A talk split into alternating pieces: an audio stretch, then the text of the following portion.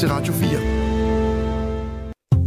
Og godmorgen og øh, glædelig jul da på øh, denne juledag. Første juledag, 25. december. Det er en øh, stor gå i byen dag mange steder rundt om i øh, landet. Og skal du ud, ja, så kan det være, der er god grund til, at du skal holde godt øje med din øh, drink. Der er nemlig en stigning i anmeldte sager, hvor der er mistanke om forgiftning fra nattelivet. Det er også det, man kalder drugging. Vi har øh, her på Radio 4 lavet en rundspørg til landets regioner, og den viser, at der er forskellige øh, procedurer for, hvornår der bliver taget en blodprøve, der kan vise, om der er stoffer i blodet. I fire ud af landets fem regioner bliver der ikke taget retsgyldige blodprøver, medmindre politiet beder om det. Den forskel belyser vi her i Radio 4 morgen her til morgen, altså første juledag. Du skal blandt andre møde Charlotte Becker, der har svært ved at bevise, at hun er blevet udsat for drugging, fordi der ikke er blevet taget en blodprøve i tide. Sad du i går juleaften og øh, åbnede en pakke foran din kæreste, din svigermor eller andre, hvor du nåede at tænke, ah, det var sgu ikke lige det, jeg havde ønsket mig. Altså, fik du en gave, du ikke havde lyst til at beholde. Hvad gør man så, hvis man har fået sådan en pakke, man ikke kan lide, og der måske ikke lige er byttemærke på? Skal man sige det til vedkommende? Ah, har jeg en chance for at komme af med den her? Det bliver vi øh, lidt klogere på i selskab med Gitte Hornshøj, der er foredragsholder og forfatter, blandt andet om øh, opførsel og takt og tone. Det er, øh, når klokken bliver her cirka kvarter over 8.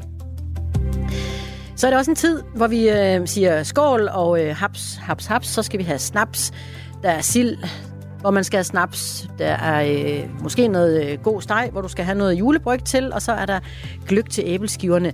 Der er øh, ofte alkohol på bordet i den her tid, og derfor er det også ekstra svært at være tidligere alkoholiker lige netop nu i julen.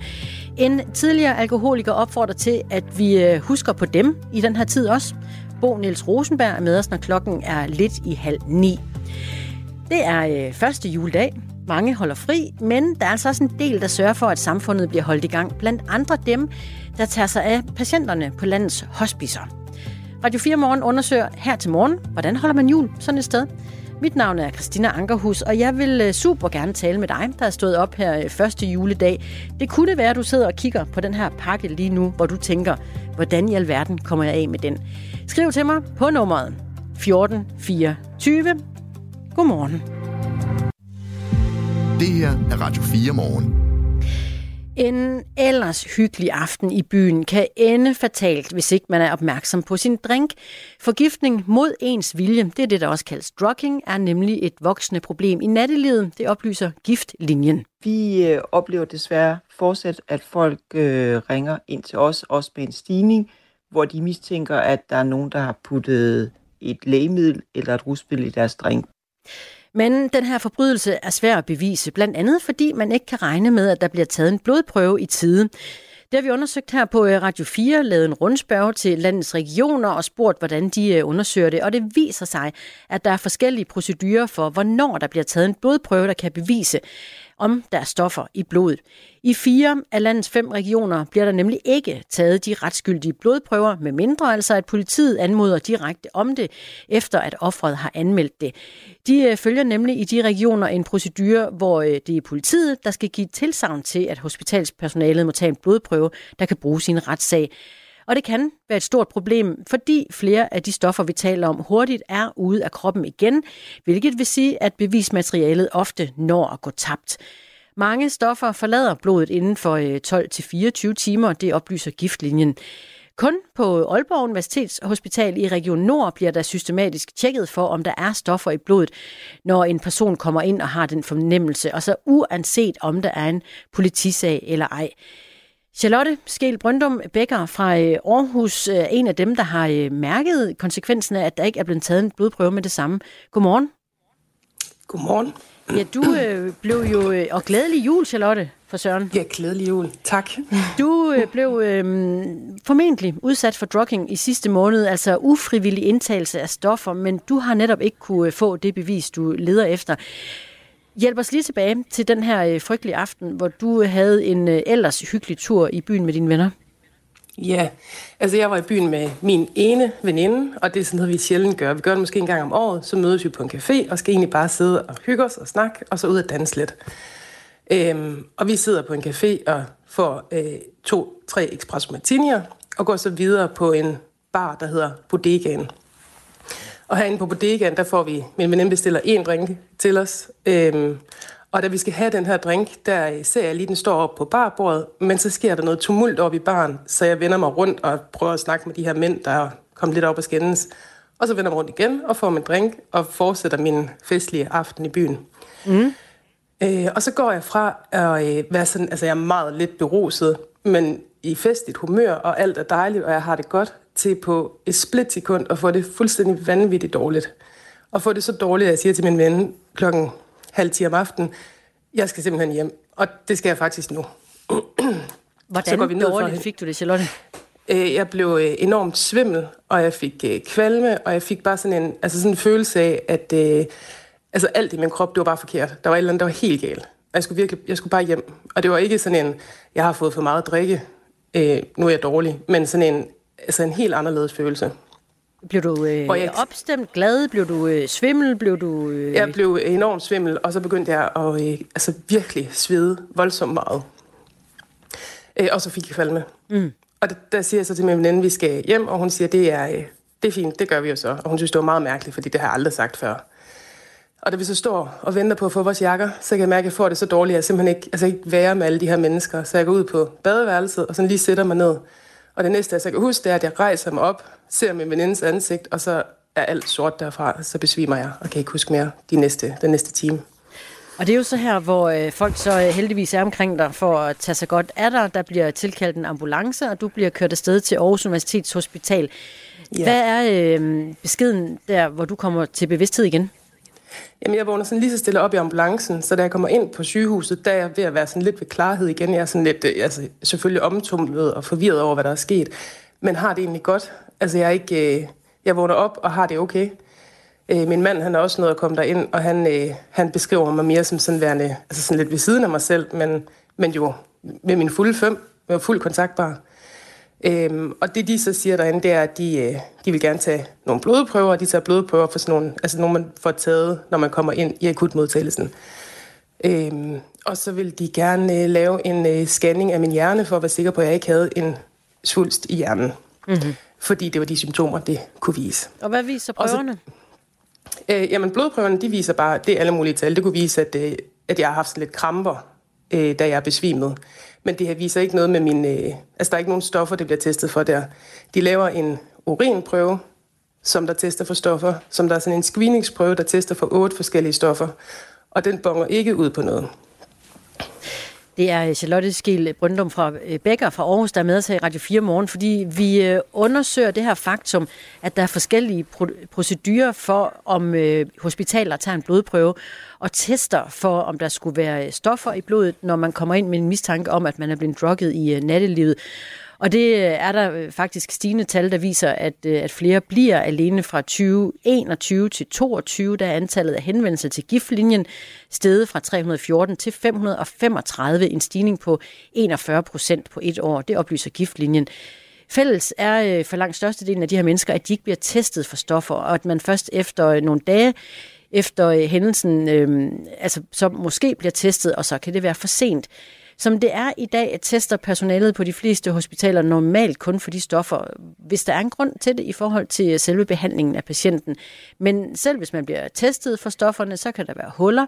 For akutmodtagelsen gør mest brug af urinprøver, som også i dit tilfælde, Charlotte, og for at sikre et hurtigt svar på, og, og det er altså det, der kan være usikkert og ikke kan påvise alle stofferne.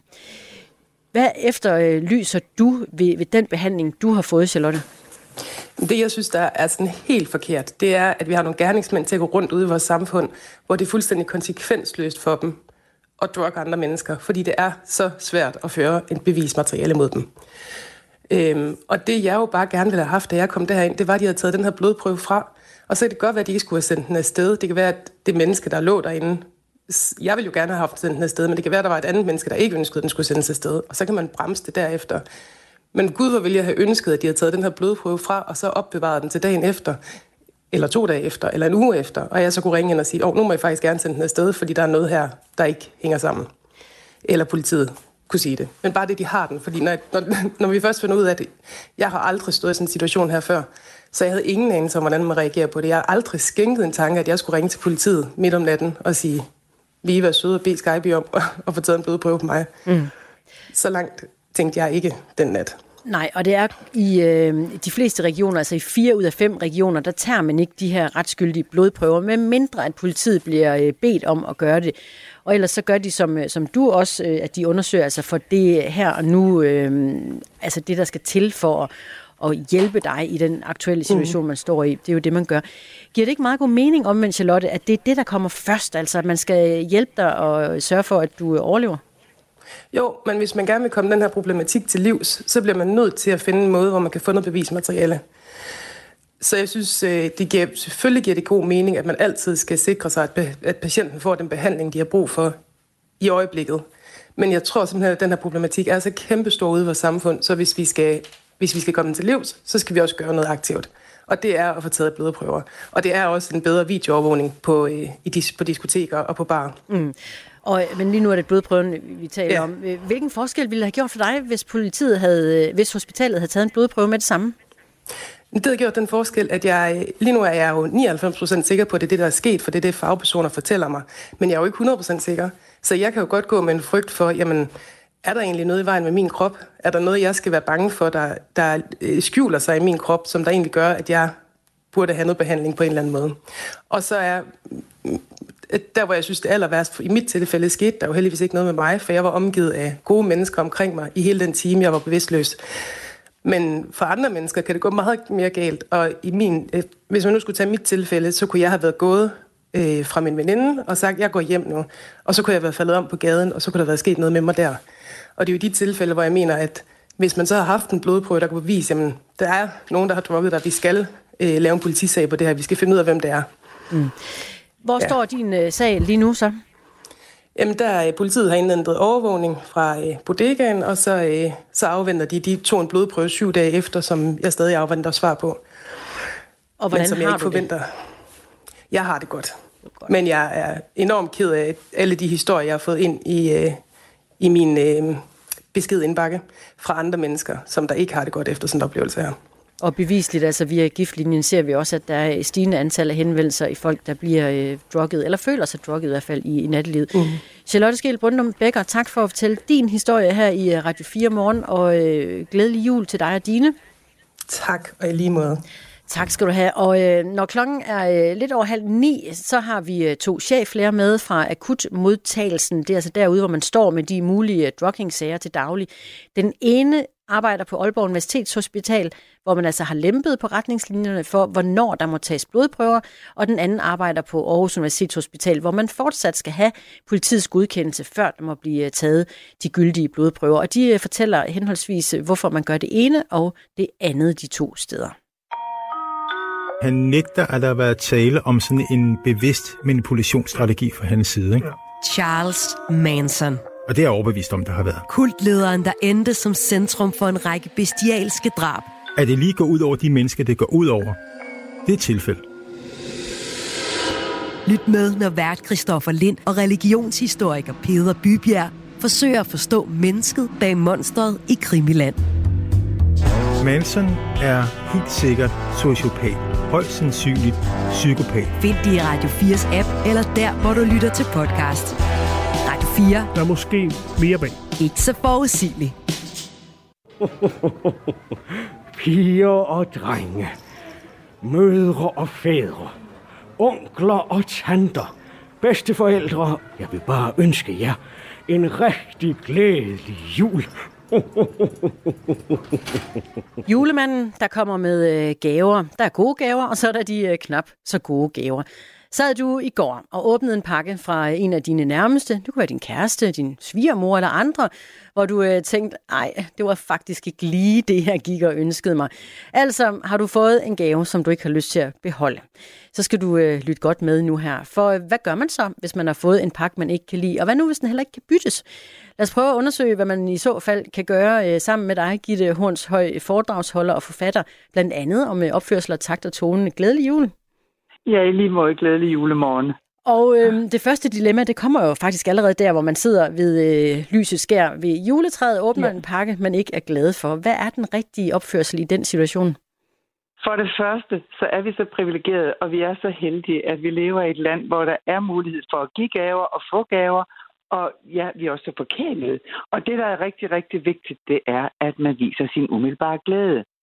Altså, jeg havde en bedstemor, der sagde, en gave givet med hjerte er bedre end en gave givet med en stor pengepunkt. Og jeg er bare nødt til at sige, det er det, der er vores største problem, det er, at vi tillader os nogle gange ikke at være glade for en gave. Og hvad ligner det? Så det der med, at man bare kan sidde og sige, det var ikke det, jeg ønskede mig, det er simpelthen ikke okay. Vi skal så... vise glæde, og vi skal vise rummelighed. På med det store smil med andre ord, uanset hvad der I er inde på Ja. Fuldstændig. Hvad nu hvis det er en, der faktisk står en nær, altså en, man godt kan tale fortroligt med, normaltvis øh, en kæreste, en ægtefælde? Jamen, så skal man vente. Altså, juleaften skal ikke spoleres, fordi man synes, man har fået noget, man ikke ønsker sig. Det, det kan vi simpelthen ikke tillade os. Altså, vi, vi er bare så... Problemet er jo, at vi er ekstremt forkælet, og vi mangler jo stort set ikke. Der er rigtig mange mennesker, der ikke mangler noget. Og så sidder vi alligevel og ringer, hvis der er et eller andet. Det er simpelthen ikke okay. Vi skal få den aften til at fungere, og jeg tror også, det er en af grundene til, at rigtig mange efterhånden dropper alt det gaveræs og siger, vi vil bare gerne være sammen. Fordi det er trods alt det vigtigste i den her tid, det er, at vi har nærvær, og at vi er rummelige. Og det er der nogen, der glemmer, når de får noget, de ikke lige ønsker sig. Og det er noget værd krukkeri. Men der er i hvert fald gaver, der bliver lagt under juletræet, som modtageren ikke ønsker. Det viser tal fra ja. Dansk Erhverv. Men vi øh, bytter gaver, returnerer gaver for 400 øh, millioner kroner hvert år. Det gjorde vi i hvert fald sidste år. Det er, øh, tøj, især vi ikke bryder os om af det, vi får. Så er der også boligtilbehør, personlig pleje, sko og bøger ligger på listen over, hvad vi bytter. Vi har øh, Signe Tersbøl med, også en fast lytter af vores Radio 4 morgenprogram. Godmorgen og glædelig jul, Sende. Tak i lige måde. Du øh, har jo faktisk en idé til, hvad man kan gøre, hvis man øh, får en gave, man ikke bryder sig om. Altså en, en måde ligesom at komme af med den på, hvis der ikke er byttemærke på. Lad os endelig høre. Ja, altså vi skal tilbage til dengang jeg var ung, så er vi der i slutningen af 80'erne. Og det vi gjorde, når øh, vi var færdige med at holde juleaften med vores familie, det var, så mødtes vi sådan tætte venner, og der tog vi så den gave med, som vi var mindst glade for. Og så spillede vi faktisk pakkelej om de gaver. Øhm, og det var en måde både at være sammen med, for der var jo ikke noget, der var åbent om aftenen på det tidspunkt. Og så var det også en måde at have lidt spænding om, om man kunne, måske kunne spille sig til noget, der var bedre end det, man havde fået. Var det så noget, man fortalte den øh, glade giver, at nu tager din gave med videre i byen og spiller den væk? Nej, det gjorde vi ikke.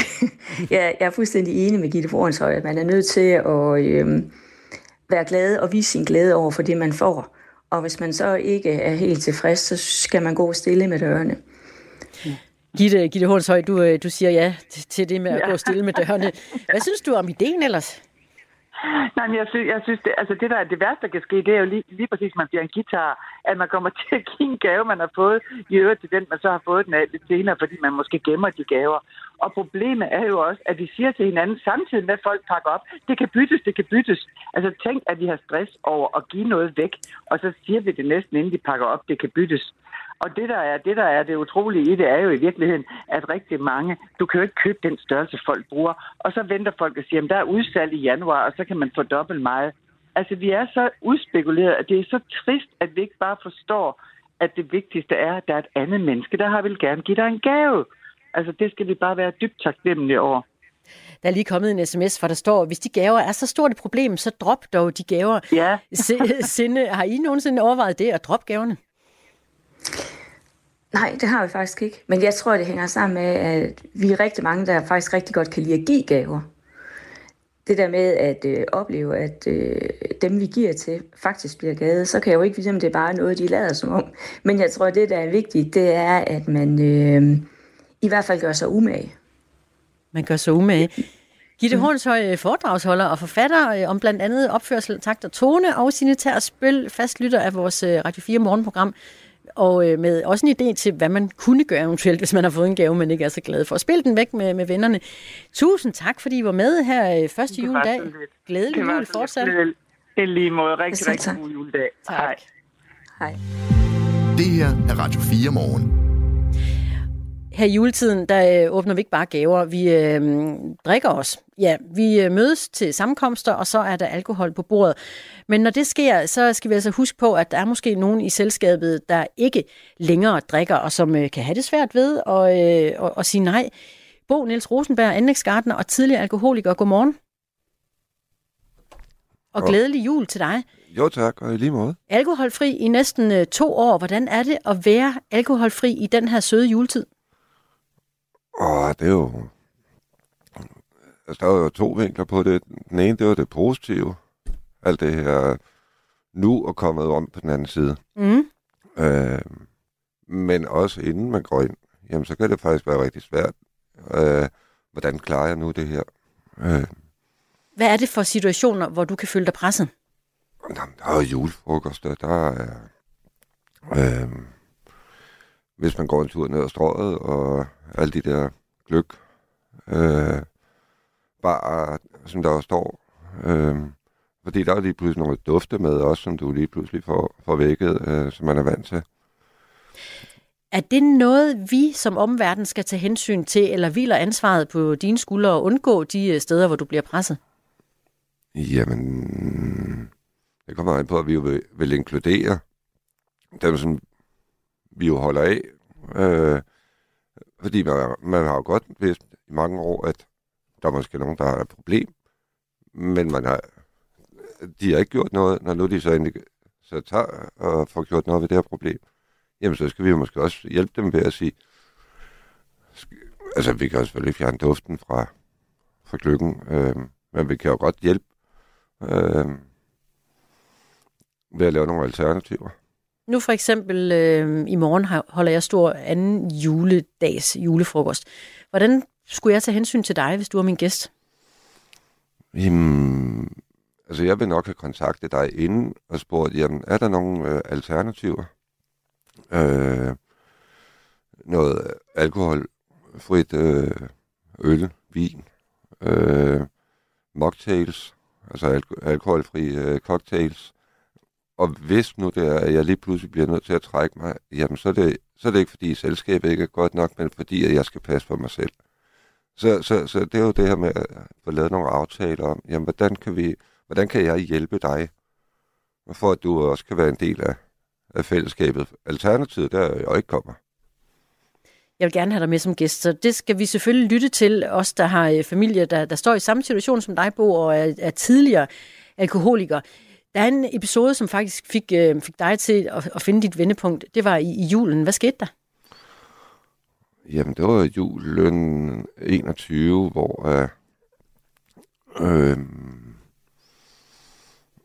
der er noget samlivsophør tidligere, øh, men at øh, så øh, hen over julen, jamen så øh, når nu de andre havde rejst sig fra bordet, jamen så sad jeg lige og hældte lidt rødvin op, eller jeg skulle lige have en øl mere, lige ud at ryge og have en øl mere. Øh, og et par dage efter, jamen, så snakker jeg med min storebror, øh, som der så nævner det her for mig, og jeg kan egentlig godt se, at der, der er faktisk noget galt. Øh, Altså noget galt i, som at du faktisk havde et overforbrug. øh, og, og, og det skulle jeg også have noget hjælp til. Mm. Øh, og kontakter så øh, Nova Vi øh, nede i Køge øh, på vej hjem fra arbejde. Og øh, det har så været den 30. december, jeg ringer til dem, og den 4. januar, der startede jeg i behandling. Og i dag er du øh, tidligere alkoholiker, Bo Niels Rosenberg, anlægsgartner. Ja. Og, øh, og du er sådan set ikke alene om at stå i den situation, som du gjorde dengang i øh, 2022, skrev Sundhedsstyrelsen, at øh, 402.000 danskere har tegn på moderate alkoholproblemer. 67.000 danskere har tegn på svære alkoholproblemer. Og så øh, understreger Sundhedsstyrelsen også, at vi maksimalt bør drikke 10 genstande om ugen. Lykkes til dig at øh, have en, en god og glædelig jul uden alkohol nu? Bo? Ja. Ja. Øh, meget bedre, øh, meget mere nærværende, øh, til stede. Øh, se glæden, øh, mærke både mig selv, men også øh, dem, jeg er sammen med. Så det er jo positivt. Det er det bestemt. Bo Niels Rosenberg, anlægsgartner og øh, tidligere alkoholiker. Øh, tak for din historie og glædelig jul. Tak og i lige måde. Ja, tak. Du lytter til Radio 4 morgen. Og det er første juledag. Juledag 25. december. Det er Radio 4 morgen, du lytter til. Og mit navn er øh, Christina Ankerhus, og øh, vi smutter i nyhedsstudiet sammen med Henrik Møring. Klokken er halv ni. Nu er der nyheder på Radio 4. I fire ud af fem regioner tager hospitalerne ikke afgørende blodprøver i druggingsager uden politiets anmodning. Det gør det svært for offerne at bevise, at de er blevet udsat for en forbrydelse. Flere stoffer er nemlig flygtige og kan ikke påvises, hvis ikke der tages en blodprøve med det samme. Kun i Region Nordjylland har man i samarbejde med politiet valgt at ændre på retningslinjerne, så hospitalerne kan tage retsskyldige blodprøver uden anmodning fra politiet. Men nu overvejer Aarhus Universitetshospital at ændre på proceduren, det siger cheflæge på akutafdelingen Ole Mølgaard til Radio 4. Vi har jo øje på øh, den løsning, man har fundet øh, i Aalborg. Øh, jeg synes faktisk, det ser øh, rimelig interessant ud, og vi er faktisk i dialog med politiet, om vi kan samarbejde om en løsning, der ligner det. 34-årige Charlotte Scheel Brøndum Becker fra Aarhus er en af dem, der har mærket konsekvensen af, at der ikke blev taget en blodprøve med det samme. Hun blev muligvis udsat for drugging i sidste måned, altså ufrivillig indtagelse af stoffer, men har endnu ikke kunne få det bevis, hun leder efter. Jeg har aldrig stået i sådan en situation her før, så jeg havde ingen anelse om, hvordan man reagerer på det. Jeg har aldrig skænket en tanke, at jeg skulle ringe til politiet midt om natten og sige, lige være søde og bede Skype om at få taget en blodprøve på mig. Israels regering skal drøfte et forslag fra Ægypten om at stoppe kamphandlingerne i Gaza, skriver Jerusalem Post. Det oplyser DPA. Sent i går skrev en anden israelsk avis, Times of Israel, at israelske embedsmænd tidligere har bekræftet, at Ægypten har indleveret et nyt forslag om kamppause og løsladelse af yderligere israelske gisler fra Gazastriben. Den israelske premierminister Benjamin Netanyahu understreger dog, at landet fortsætter angrebene indtil Hamas-bevægelsen er endeligt besejret. Mærsk forbereder sig på igen at sejle i det Røde Hav i både østlig og vestlig retning, så snart det er muligt, oplyser det danske rederi. Mærsk vil være sikker på, at deres ansatte er i sikkerhed. Det er rederiets første prioritet, at den udfordrende situation bliver håndteret i det Røde Hav, siger selskabet. Susanne Dikemar fortæller. Mærsk forbereder sig efter, at der er kommet meldinger om en operation ledet af amerikanerne, der skal beskytte skibe i området. Siden 19. december har Mærsk omdirigeret skibe, så de sejlede rundt om Afrikas sydspids i stedet for det Røde Hav. En stor omvej på omkring 6.000 km, hvor turen ville tage omkring to uger længere end planlagt. Et mærskskib blev torsdag i sidste uge angrebet med et missil ved det Røde Hav. Dagen efter besluttede Mærsk at stoppe alle skibe i området. Andre skibe er også blevet angrebet. Internationale nyhedsbyråer har skrevet, at det er Houthi-oprørere fra Yemen, der affyrer droner og missiler mod skibene på grund af Israels angreb på Gaza. Angrebene har fået USA til at stable en international koalition på benene. Samarbejdet går ud på, at der er patruljeskibe, der skal beskytte handelsskibe ved Yemen. Demonstranter smadrer vinduer i Beograd efter påstået valgfusk. Oppositionsstøtter har ødelagt ruderne på rådhuset i den serbiske hovedstad i aftes. Det skete som et led i protester i forbindelse med påstået valgsvindel. Politiet har ifølge AFP svaret igen med peberspray. Den serbiske opposition beskylder regeringen SNS og præsidenten for valgfusk. Også internationale valgobservatører har rettet skarp kritik mod parlamentet. Der var en lang række uregelmæssigheder ved valget herunder betaling til vælgere og eksempel på, at der er lagt ekstra stemmesedler i valgurnerne. Enkelte byer med lidt sol, 4-7 grader og hård vind til hård kuling med kraftige vindstød. Vinden aftager i løbet af dagen. Du lytter til Radio 4. På en øh, første juledag, hvor jeg øh, først og fremmest vil ønske dig rigtig glædelig jul, og øh, så håber jeg, at du øh, har fået de gaver, du øh, blev glad for, eller i det mindste, at det øh, føltes godt for dig at give de gaver, som du øh, havde pakket ind til venner og familie. Første juledag, 25. december, det er en øh, stor gå i byen dag. Hvis du øh, tager afsted i øh, byen sådan en morgen, øh, ja ikke en morgen, det vil være lidt vildt nok, men øh, i aften, så kan det være god grund til, at du skal holde øje med din øh, drink, for der er nemlig øh, flere og flere, der oplever at blive øh, drukket i øh, nattelivet. Det og øh, mere til i øh, Radio 4 Morgen med Christine Ankerhus. Godmorgen og glædelig jul. Det her er Radio 4 Morgen. I øh, fire ud af fem af landets regioner, der tager man så ikke en retsgyldig blodprøve, hvis der er mistanke om drugging, når en person kommer ind på øh, sygehuset. Med mindre altså, at politiet beder om det direkte. Det viser en rundspørge, som vi på øh, Radio 4 har lavet. Det kan gøre det svært at bevise, hvis man mod sin vilje er blevet forgiftet med stoffer i nattelivet. Mange stoffer forlader nemlig blodet inden for en 12-24 timer, oplyser giftlinjen. Og så er en almindelig urinprøve, som ofte tages, heller ikke nok til at påvise alle stoffer, og kan heller ikke bruges i en retssag eventuelt. På hospitalerne i Region Nord har man derfor indgået et nyt samarbejde mellem Nordjyllands politi og øh, Aalborg Universitetshospital, sådan at politiet ikke længere skal give en forhåndsgodkendelse til blodprøven. Og på den måde så kan hospitalspersonalet nu selv vurdere, om der skal tages en blodprøve af patienten, som kan bruges til en eventuel retssag. Vi har øh, på Radio 4 talt med cheflægen på Aalborg Hospitals Akut- og Traumacenter, Jørgen Munkhoff Møller, der er glad for at kunne hjælpe patienterne hurtigere nu. Jeg vil egentlig gerne vil imødekomme dem, der har haft en mistanke om, at de var drukket, og hvor det har været besværligt at, at blive testet for det, og øh, hvor at setupet i sundhedssystemet og hos politiet ikke helt har været, hvad kan man kalde det, forbrugervenligt. Og ifølge cheflægen på Aalborg Universitets Akut- og Traumacenter, Jørgen Munkholf Møller, kan det altså være afgørende, at blodprøven bliver taget med det samme, eller i det mindste så hurtigt som overhovedet muligt. Der er nogle stoffer, som øh, kan benyttes i forbindelse med drugging, og øh, mange af stofferne er flygtige, forstået på den måde, de omsættes relativt hurtigt. Det vil sige, at jo tidligere man tager en, en blodprøve, efter man øh, har fået symptomer på, måske er blevet udsat for et eller andet, så stiger øh, muligheden for at kunne påvise et, et givet stof. Og helt konkret betyder den nye procedure, at man på Aalborg Universitetshospital tager blodprøver for drugging på en mere systematisk måde, end man gjorde det tidligere. Man kan måske sige, at uh, tidligere der var der sammenblanding af to forskellige opgaver. Dels at vi har en sundhedsfaglig opgave, som er vores primære opgave, og uh, samtidig med den opgave, så ville politiet gerne, at vi lige gjorde noget for dem også.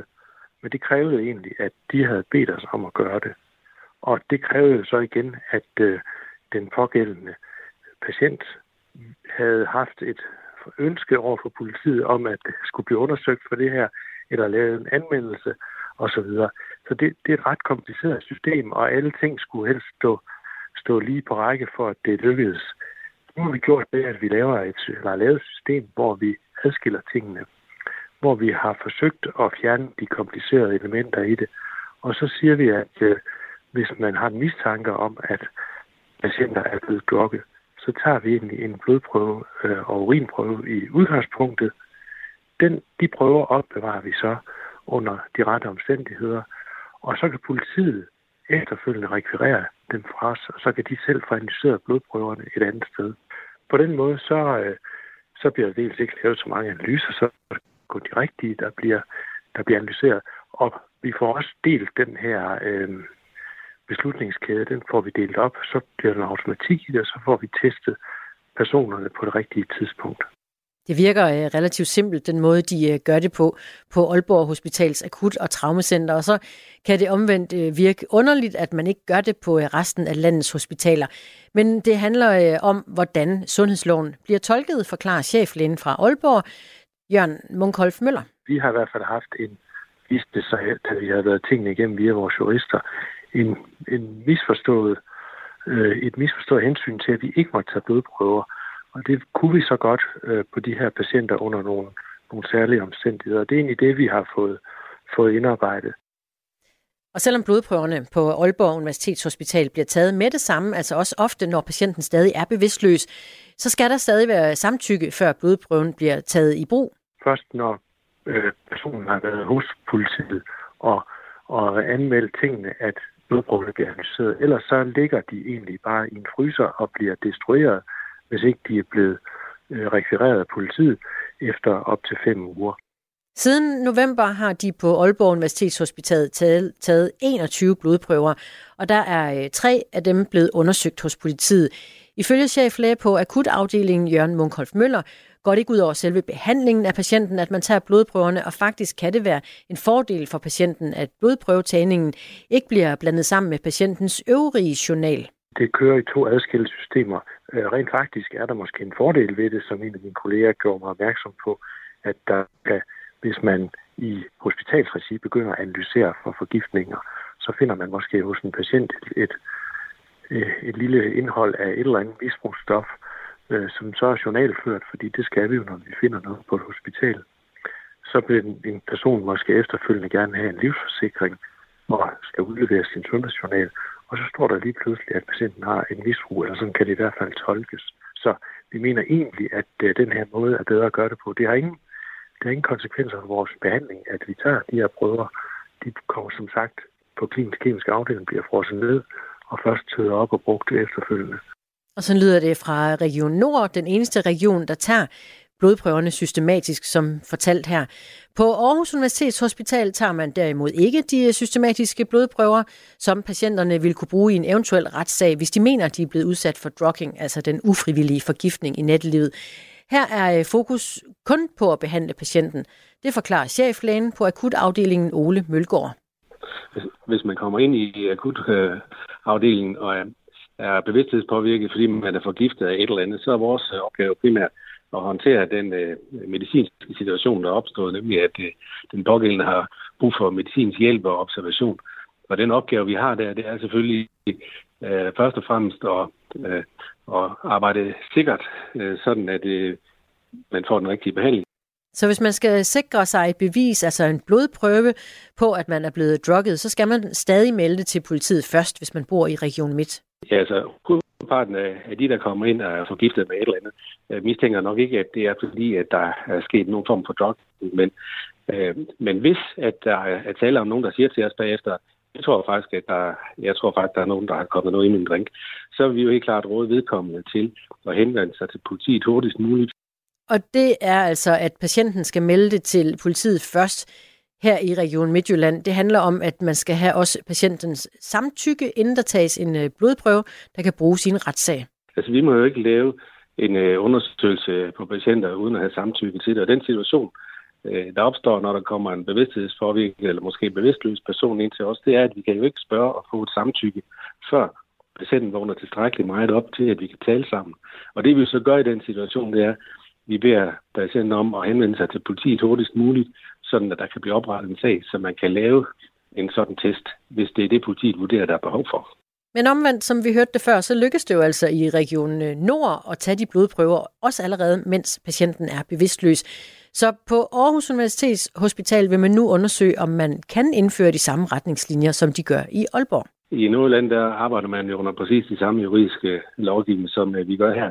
Og vi har jo øje på øh, den løsning, man har fundet øh, i Aalborg, Øh, jeg synes faktisk, det ser øh, rimelig interessant ud, og vi er faktisk i dialog med politiet, om vi kan samarbejde om en løsning, der ligner det.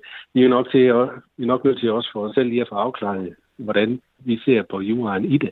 Men det kunne godt se lovende ud at vælge den løsning. Vi er jo kun interesseret i, at øh, de, der måtte være årsagen til, at der er sket øh, logging, øh, de bliver stoppet, og de får den straf, de fortjener. Så vi støtter selvfølgelig op om det, hvis det kan lade sig gøre inden for de juridiske rammer.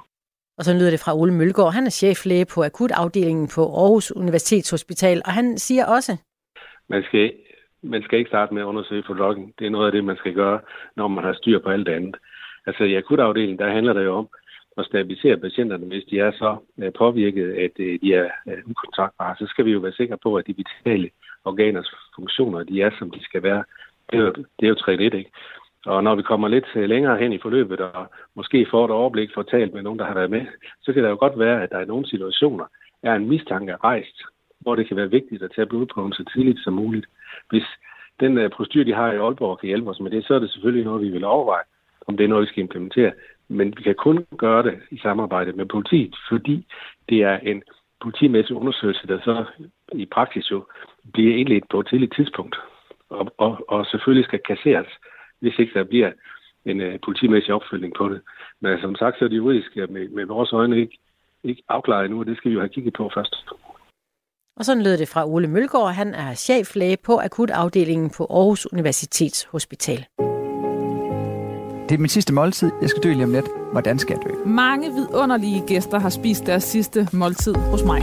Min fars rummelighed kom lidt på prøve da jeg sagde, at jeg havde været sammen med en kvinde. Sammen har vi talt om liv, død, om mad og om det eftermæle, som ingen af os undslipper. Jeg hedder Lærke Kløvedal, og jeg er vært på det sidste måltid. Du kan lytte med i Radio 4's app, eller der, hvor du lytter til din podcast. Radio 4. Ikke så forudsigeligt. Ifølge den israelske avis Jerusalem Post skal Israels regering i dag drøfte et forslag fra Ægypten om at stoppe kamphandlingerne i Gaza. Det skriver nyhedsbyrået DPA. Sent i aftes skrev en anden israelsk avis, Times of Israel, at israelske embedsmænd tidligere har bekræftet, at Ægypten har indleveret et nyt forslag om en kamppause og om løsladelse af yderligere israelske gisler fra Gaza-striben. Hans Henrik Fafner, journalist bosat i Tel Aviv i Israel. Velkommen til. Ja, godmorgen. Hvad er øh, seneste nyt om øh, eventuelle kamppauser? Øh, ja, altså den øh, står og strander lidt, fordi øh, israelerne ønsker en såkaldt øh, humanitær pause, det vil sige altså et øh, rum i krigen, hvor man kan få øh, nødhjælp ind og så videre, øh, hvorpå krigen så vil kunne fortsætte i givet fald, hvor modparten Hamas øh, insisterer på en total våbenhvile, dermed en afslutning på krigen.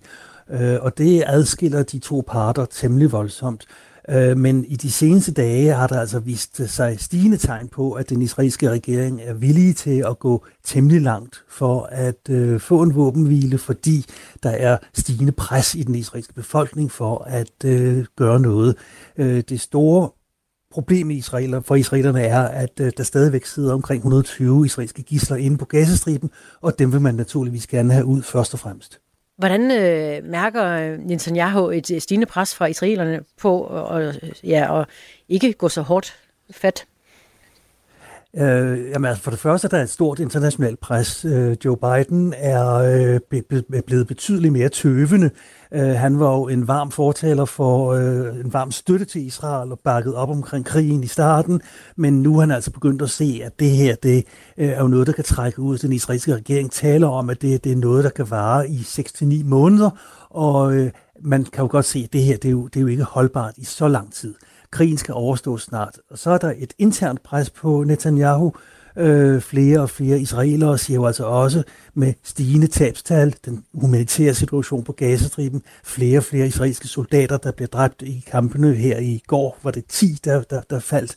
Øh, og der er altså også mange, mange israelere, som efterhånden siger, at det her det må stanses, fordi det under alle omstændigheder bliver svært at nedkæmpe Hamas så totalt, som Netanyahu går og forestiller sig. Så der er altså, han er under stigende pres for at få det her afsluttet.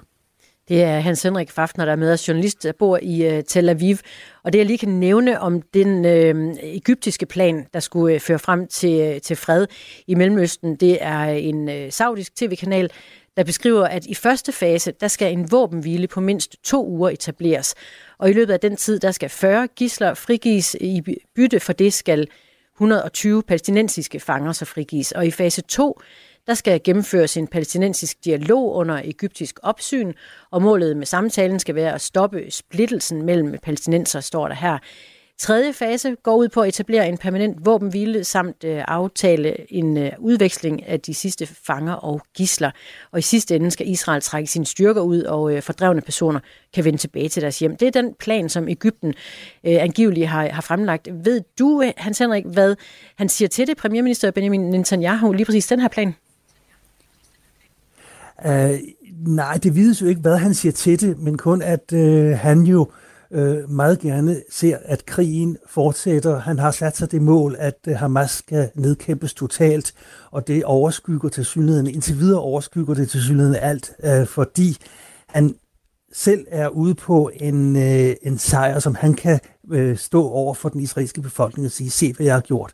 Øh, sagen er jo, at Netanyahu har jo været presset gennem hele 2023. Øh, han er under kritik, meningsmålingerne ser rigtig skidt ud, og, og øh, han er simpelthen ude på politisk overlevelse. Der er altså også et, et, et betydeligt øh, personligt motiv for at, øh, for at føre den her krig. Du er i øh, Tel Aviv selv. Hvordan mærker du i, øh, i dine nære omgivelser et, et stigende pres internt på en, øh, en forandring af, hvad der foregår lige nu? Jamen, man kan jo se det. Øh, i, I går aftes var jeg i, øh, i øh, Tel Aviv og var nede omkring øh, Forsvarsministeriet, som ligger midt i byen, Øh, og der var protesttelte foran Forsvarsministeriet. Det er pårørende til gislerne og en masse sympatisører, øh, som åbent protesterer imod, øh, at der ikke bliver gjort mere for at få gislerne fri. Øh, så man kan se det. Selvfølgelig er hele samfundet jo præget af krigen. Øh, øh det hele foregår på en anden måde. Øh, der er øh, mindre fest og farver, end der plejer at være, men, øh, men øh, nu kan man altså se, at, at hvor der i starten, øh, lige da det startede, der var, var, var nærmest ubetinget tilslutning af krigen, og det har nu vendt sig lidt, så man øh, ser mere og mere opposition. Man ser det også i pressen. Øh, pressen kritiserer krigsførelsen. Pressen kritiserer Netanyahus øh, insisteren på at, at fortsætte krigen og tage så mindre hensyn til, til, til gislerne for eksempel, og tage mindre hensyn til øh, civilbefolkningen på Gazastriben. Men... Så der er øh, helt tydeligt i samfundet også en opposition på vej. Og, og hvor længe kan han modstå øh, det pres, Netanyahu?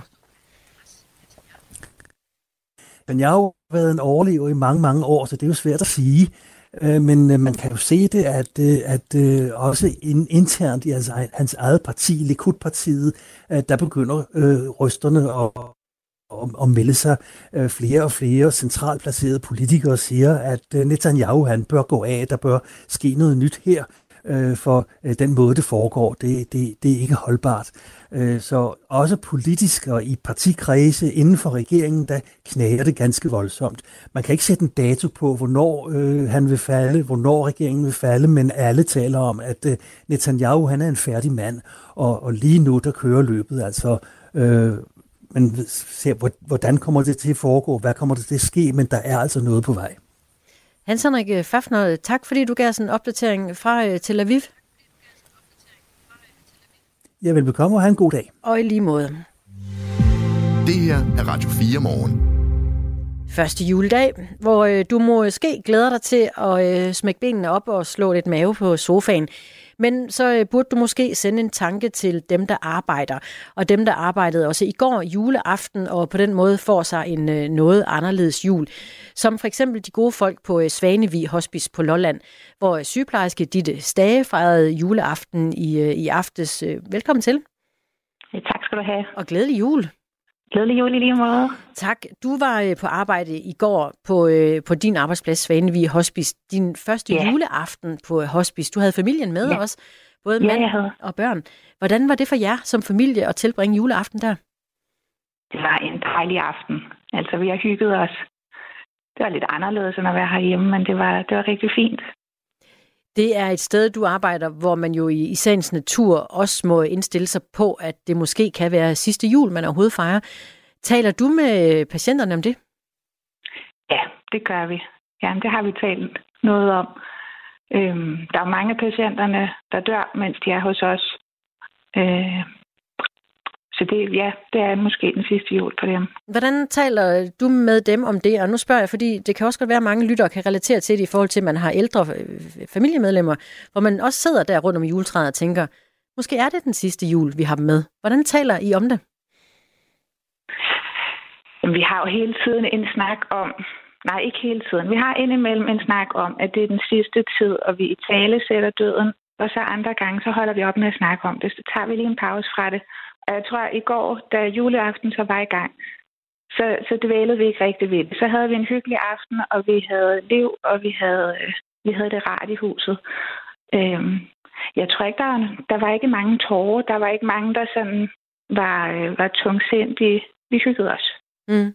Det er sygeplejerske ja. Ditte Stade med os her i Radio 4 morgen på øh, første juledag, fordi du fejrede juleaften på Svanevig Hospice på Lolland i går.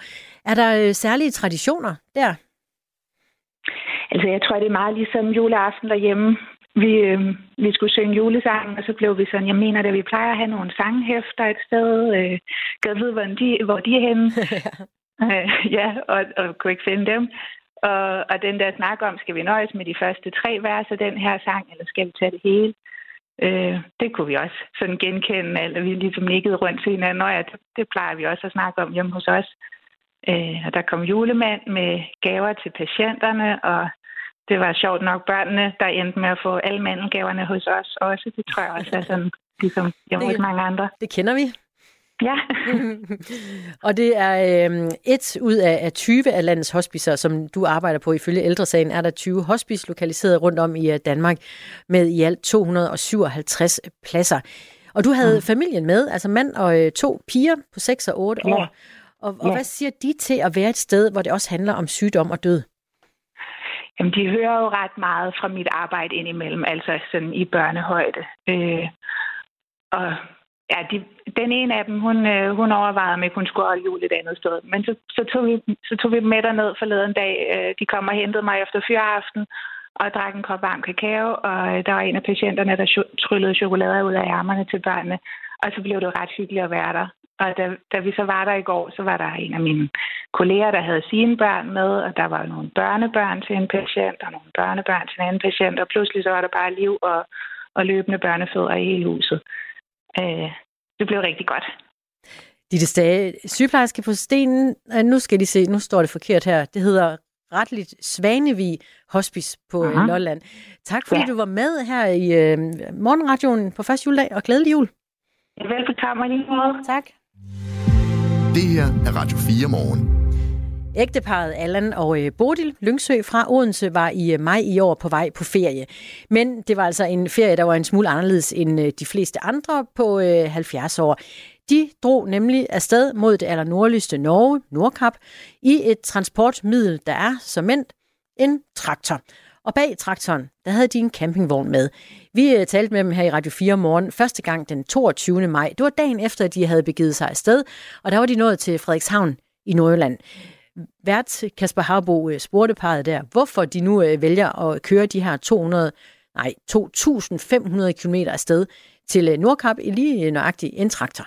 Jamen, fordi vi godt kan lide at køre i traktor, og, og vi har førvær på ferie i traktor, både til det er så herhjemme, men Skagen og Bornholm og Ørerne, og, og det liv kan vi godt lide at køre en traktor, og min mand har, ja, har kørt traktor lige siden han var barn, og jeg kan godt lide at køre traktor og køre langt og sådan, og jeg har heller ikke noget mod at være med.